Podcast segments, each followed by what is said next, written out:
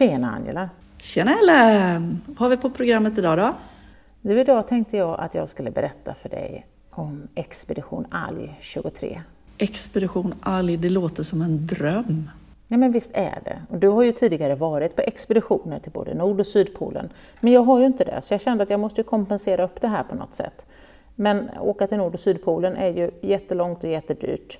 Så att jag tänkte Expedition Alg 23 i Bohuslän är ju lättare, då kan man bo hemma. Det är liksom en hemester. Hemexpedition. Ja. Hemspedition, ja. Ja men någonting sånt. Men eh, vad då? Berätta mer.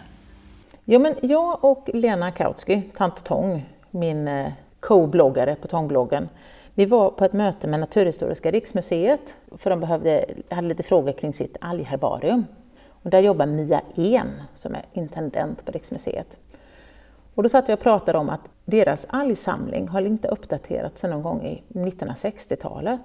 Det betyder att de har bara alger som är från 1960-talet. Det är de nyaste algerna de har. Ja. Men de har de som är jättegamla också eller? De har ju väldigt mycket äldre från gamla sådana här Nordenskiölds expeditioner och andra sådana här riktiga historiska pärlor som vi tycker om att gräva i. Wow, men du, alltså jag känner att vi måste ha ett herbarieavsnitt. Ja, vi måste också ta en liten resa till några av Sveriges olika herbarier. Algherbarie Live Tour. Vi kanske inte livesänder den, men vi kan göra en sammanfattning när vi har gjort det. Bra idé. Nej men du, algexpeditionen här nu då. Ja, som jag sa, jag har ju alltid velat åka på expedition och så började vi prata där om att vi kanske skulle göra en organiserad insamling av alger för museet. Då. Då sökte Mia pengar från Riksmuseet Vänner och fick det för det här. För det är ju ändå lite utgifter i samband med det här. Vi ska ha det här syrefria pappret som man pressar alger på. Varför? Varför ska man ha syrefritt papper? Därför att annars så innehåller det syra i det här pappret som gör kemikalier i pappret som förstör algerna långsamt över tid. För ett herbarium ska ju hålla i hundratals år i tanken. Men hemmaherbarium behöver man inte hålla på och vara så petig? Nej, det behöver man inte. Men vill man göra det för att sen skänka det till museet så är det ju bäst om det är på syrafritt papper, för annars måste de göra om det. Och det, stora alger kan man ju pilla loss, men fintrådiga alger, de sjunker ju verkligen in i pappret. Ja, sant. Mm. Men jag vet, både du och jag har ju lite sådana alger pressade på fullpapper. Mm. Men man behöver pengar till mer saker, det är inte bara det? Ja, vi behövde ju gråpapper också. Du får säga vad gråpapper är. Ibland kan man kalla det för lumppapper också, sådana papper som man lägger mellan för att det ska suga upp fukten. Det går jättebra att använda dagstidningar också nu, men det är ju något som knappt finns längre kan man säga. Men har man dagstidningar, samla på dig en kasse så kan man lägga det emellan. Och det gör man ju för att när man pressar alger så är de oftast blöta. Stora alger kan man ju lägga direkt på torrt papper, men eh, de innehåller ju ändå ganska mycket fukt. Och fintrådiga alger, då måste man lägga hela pappret i vatten och flyta ut algen på för att den ska liksom bli snygg och inte bara bli som en slemklump mitt på pappret. Ja, just det. Och då måste man torka ut de här, då måste man byta papper flera gånger i början då var två gånger om dagen och sen så en gång om dagen sen tills de blir torra så att inte hela pappret och hela kollektet möglar.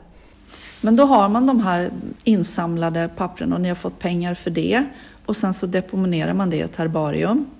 Och så ska väl det här, hur noggrann är, hur noggrann är man med plats och djup och väder och vind och om man har ätit eller inte? Och... Ja, det viktigaste är att man har ätit. Man gör inget arbete med lågt blodsocker. Det vet vi allihopa som någonsin har arbetat i fält.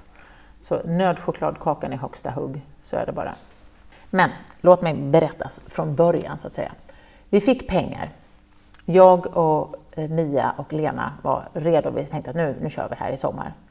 Och då har jag en bekant som heter Caroline Elg. Hon är doktorand vid Linköpings universitet i havshumaniora. Alltså jag har aldrig hört talas om detta. Ja, det ligger under genusvetenskapen där. Hon tittar just då på kvinnor inom havsforskning, havsarbete. Otroligt spännande. Ja, jättehäftigt. Tog hon en fika så pratade vi om det här och så sa jag till henne, men det vore väl rasande kul om du hängde med på det här? Ja, tyckte hon, jättegärna, får det, vad kul. Så då hoppade hon på. Så då var vi fyra glada personer som var taggade till tänderna att ge oss ut och samla alger. Och det blir en väldigt rolig kombination när man är olika bakgrund och olika infallsvinkel. Man får ut så mycket mer av det då. Men var var ni någonstans? Jo, vi var ju här på Släggö i Lysekil. Så då kunde vi bo hemma i min sommarstuga. Vi ockuperade den. kändes det som. Vi beredde ut, min sambo var inte där då, han arbetade. Så tog vi slägge, jättepraktiskt. Då kunde vi vara på dive team i Lysekil, byta om där, kissa på deras toalett, köpa glass i deras glassbox, använda deras varmvatten för att ta en dusch efteråt. Och så samlade vi in alger runt slägge. Vi snorklade runt så att eh, de flesta algerna är då insamlade på mellan 0 till 3 meter. Jag hade med mina långa fridykningsfenor så jag kunde samla in på kanske ner till 5-7 meter. Några, sådär. Samla in säger du? Plocka alger. Ja, men plocka och samla in. Hur? Rycker du upp dem eller? Jag försöker ju plocka så jag får med häftorganet där. För det är ju viktigt, ofta för artbestämning, man vill gärna få hela algen om möjligt. Eh, vi hade med en sax ifall det skulle vara lite så här trixigt. Det finns ju de som sitter åt hårt. Men eh, jag lyckades ändå få upp den här stora sockertalen som vi ville ha för att man har ju knycken inne. Men eh, så använde vi såna här fruktpåsar du vet man kan köpa i affären. I nylonpåsar. Så bra! Ja, de är jättebra. Alla marinbiologers bästa vän. Så då har man en, eller då i mitt fall flera, runt handleden och sen så, så simmar man runt och så plockar man på sig det man, som ser ut som ett bra exemplar av arten. Men du kommer upp här till ytan vid Släggö, men du ska ta hand om det också? Jo, jo. Men då hade vi satt Lena, hon fick ta inre biten där och sen så satt hon på bryggan och tog emot det här och så sa jag, ja, jag var på det här djupet ungefär, så la hon en lapp i så vi visste vilket nummer det var. Vi hade också numrerat påsarna. Så visste hon att men, påsen som är märkt LN5 är Eh, från den här biten. Och så. så hade vi det i kylväskan. Så de kunde rinna av först och sen så de förvarades fuktigt, inte blött. Och så kunde vi då gå upp sen, vi samlade en timme ungefär. Och sen kunde vi gå upp, duscha varmt och så äta lunch, viktigast av allt. Och då hade vi sen resten av dagen, kvällen, natten på oss att jobba. Så på en dag, det vi samlade in på en timme, hann vi inte med att göra klart på en, resten av den dagen sen. Så det, insamlingen är den lilla biten här. Och då, då måste ni också få de fina på pappret sen till herbariet? Oh ja, men det är ju den lilla biten. Utan först när vi kommer hem då så satte vi upp våran, vår arbetsrum då i köket och vardagsrummet där. Och då börjar vi med att, att hälla ut och se okay, vad har vi här. Så sorterar vi ut alla arter och sen ska vi artbestämma alla arter. Och vissa är ju lätta, så det kan man liksom, ah, men det här är den, det här är den, det här är den. Så, va? Och så plockar vi ut, vi, ska göra, vi gjorde tre exemplar av varje art, pressade vi. Så du förstår, det är ju en liten Vi fick ihop, jag tror vi har 54 eller 55 arter. Så det är ju några ark som ligger. Fantastiskt bra jobbat! Det, det var lite jobb med det. Men då skulle vi först då artbestämma allting. Och som sagt, vissa är ju lätta, andra kräver ju lite mer att man sitter med lupp och tittar och vissa är bara för svåra. Vi hade inga bra nycklar, eller det, det var för knepigt, man hade behövt mikroskop till och med och det hade vi inte. Så då fick vi då ta det till art, eller så, eh, släkte, alltså eh, SP, species, eller om vi var osäkra mellan två och tre så SPP, species pluralis.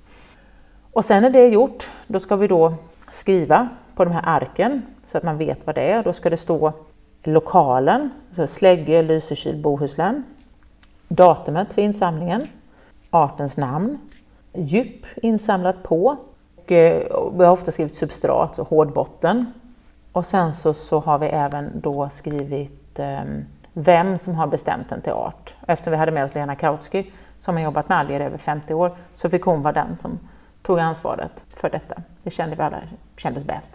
Så ska det handskrivet med blyerts på varje papper och sen lägger man på algen. Stora alger de som är styva, de kan vi bara lägga på pappret och sen lägger vi ett sånt här eh, ark av engångslakan som är klippt till då, ovanpå. Och det är för att när vi pressar sen så ska inte algen sjunka fast och fästa sig i gråpappret som ska ta bort fukten. Vilket den ju såklart annars gör, utan den ska pressas in i det här syrafria pappret. Men man kan ju ändå ställa sig frågan, vad är det här bra för? Ja, det är ju det som är så häftigt, för ett herbarium är inte bara snyggt att ha, utan ett herbarium är också ett tidsdokument. När du samlar in så får du en bild av vad fanns på den här platsen vid tidpunkten. Hur såg algerna ut på den här platsen? För vi vet ju att alger kan variera otroligt mycket i form beroende på variationer i salthalt och vågexponering och sånt där. Men sen också så innehåller ju alger, det tar ju upp exempelvis föroreningar, tungmetaller från omgivningen, så vi får ju också ett tidsdokument då på vattenmiljön från den tidpunkten. Men då behöver man ta en bit av den här algen och analysera eller? Ja, så herbariet är en samling där du som forskare sen då kan ansöka om att få använda en bit av ett herbarieark då för att göra en analys av någonting. Och det kan även vara DNA-analys exempelvis då för systematisk indelning, vilket ju många systematiker gör. Mm. Hur länge, de sparade från 60-talet i det här fallet, men du sa även att de kunde ha redan från Nordenskiöld-expeditionen 1903? Ja, jag har ju varit där och tittat på Linnéark. Oj, oj, oj! Och det var ju 1753 tror jag någonting var ifrån. Det. Fantastiskt! Ja. Men måste man vara forskare för att titta på dem eller kan vem som helst få göra det? Nej, man kan faktiskt besöka herbariet. Just nu så är byggnaden under renovering och herbariet är nerplockat. I Stockholm? I Stockholm, ja. Men det kommer eh, komma upp snart igen. Vi kommer skriva om det på Tångbloggen. Nu har vi redan sagt att vi ska prata mer om, om herbarier i Sverige men jag vet att vid Göteborgs universitet, nu är det inte nödvändigtvis alltid alger, men där har man gjort ett stort arbete med att digitalisera samlingarna så att de även ska vara tillgängliga för alla. Ja, och det har man också gjort i Stockholm. Så går man in på Naturhistoriska riksmuseets hemsida, nrm.se, så eh, kan man också komma till digitala herbariet och så ser man där. Och där ska vi förhoppningsvis också då våra insamlade nu då sen in så man kan titta på expeditionens frukter. Ja, åh, åh vad läckert. Blir det fler expeditioner? Ja, vi, vi hade ju så trevligt, det var så roligt.